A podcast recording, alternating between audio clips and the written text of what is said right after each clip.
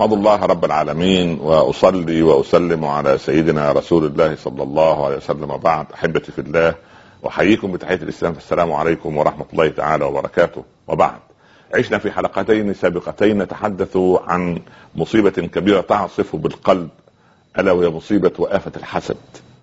ويقول النبي صلى الله عليه وسلم لا تحاسدوا ولا تباغضوا ولا تجسسوا وكونوا عباد الله إخوانا.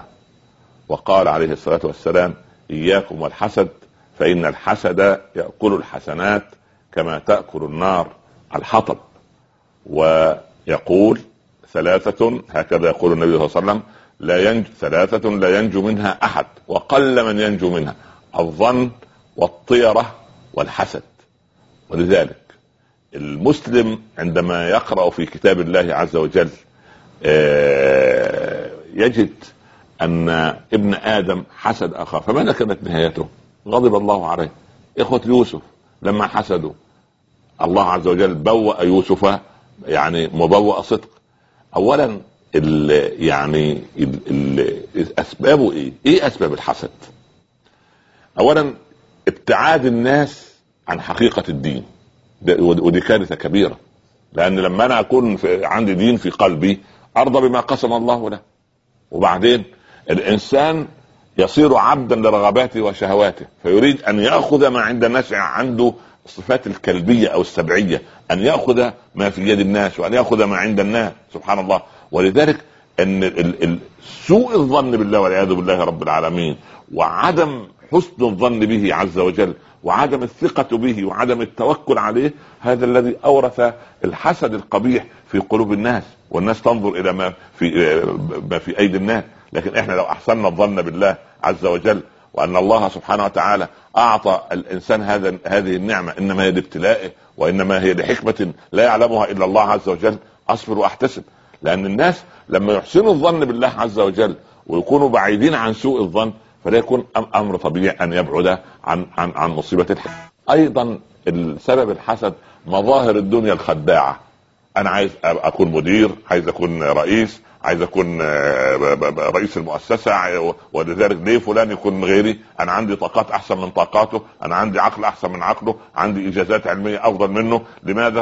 ولذلك أدبر له كل مصيبة وأحسده وأذم وعندي غل وحقد داخلي، طب ما الذي يفيدني بعد ذلك؟ والآخر يرى أن مظاهر النعمة عند الآخر تجعلني أنا حسود والعياذ بالله أتضجر.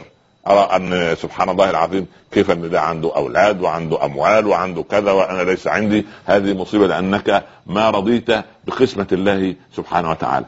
لكن الحسود مصيبته أنه ينظر دائما إلى الجانب الأسود ونصف الكوب الفارغ الذي عنده. لكن لو نظر إلى نصف الكوب المليء والله ده خير وبركة. طيب السؤال المطروح كيف نواجه هذه المصيبة؟ يعني كيف نواجه هذا الداء الذي ينخر في في عظام المجتمع؟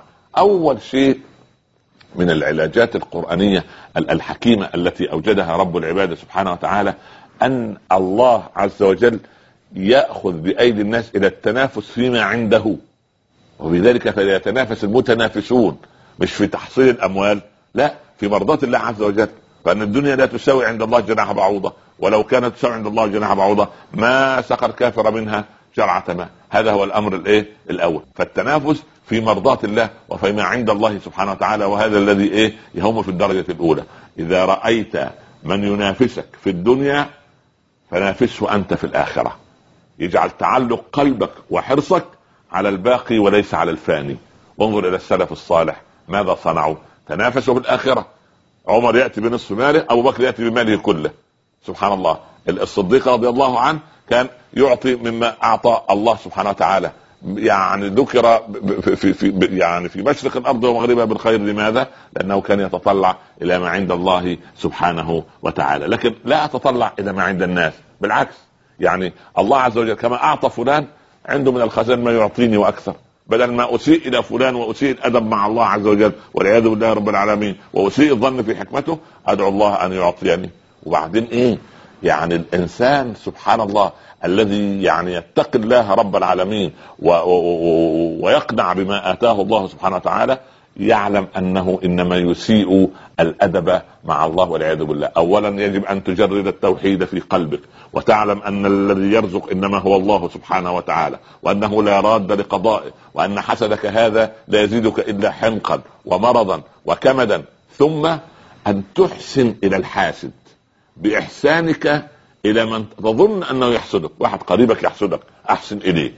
واتقي شر من أحسنت إليه بالإحسان إليه. ادفع بالتي أحسن فإذا الذي بينك وبينه عداوة كأنه ولي حميم. فتحسن إلى الناس وبالذات المقربين إليك اللي من أهلك اللي بيحسدوك أنت است يعني استل مصيبة الحسد التي عندهم بإعطائهم وبالإغداق عليهم وبالدعاء لهم. وأنت أيها الحاسد يجب أن تعلم أن الحسد لا يقربك من الله وما عليك أيها الإنسان المسلم إلا أن تعود نفسك دائما بالمعوذتين وتعلم أولادك هكذا وأن نقراهما قبل النوم الفلق والناس وننفث في ننفخ يعني كده في كفنا ثلاث مرات ثم نمسح بها الوجه والجسد ونسأل الله سبحانه وتعالى أن يعني أن يرفع الحسد من قلوبنا وأن يجعلنا أحبة فيه سبحانه وتعالى.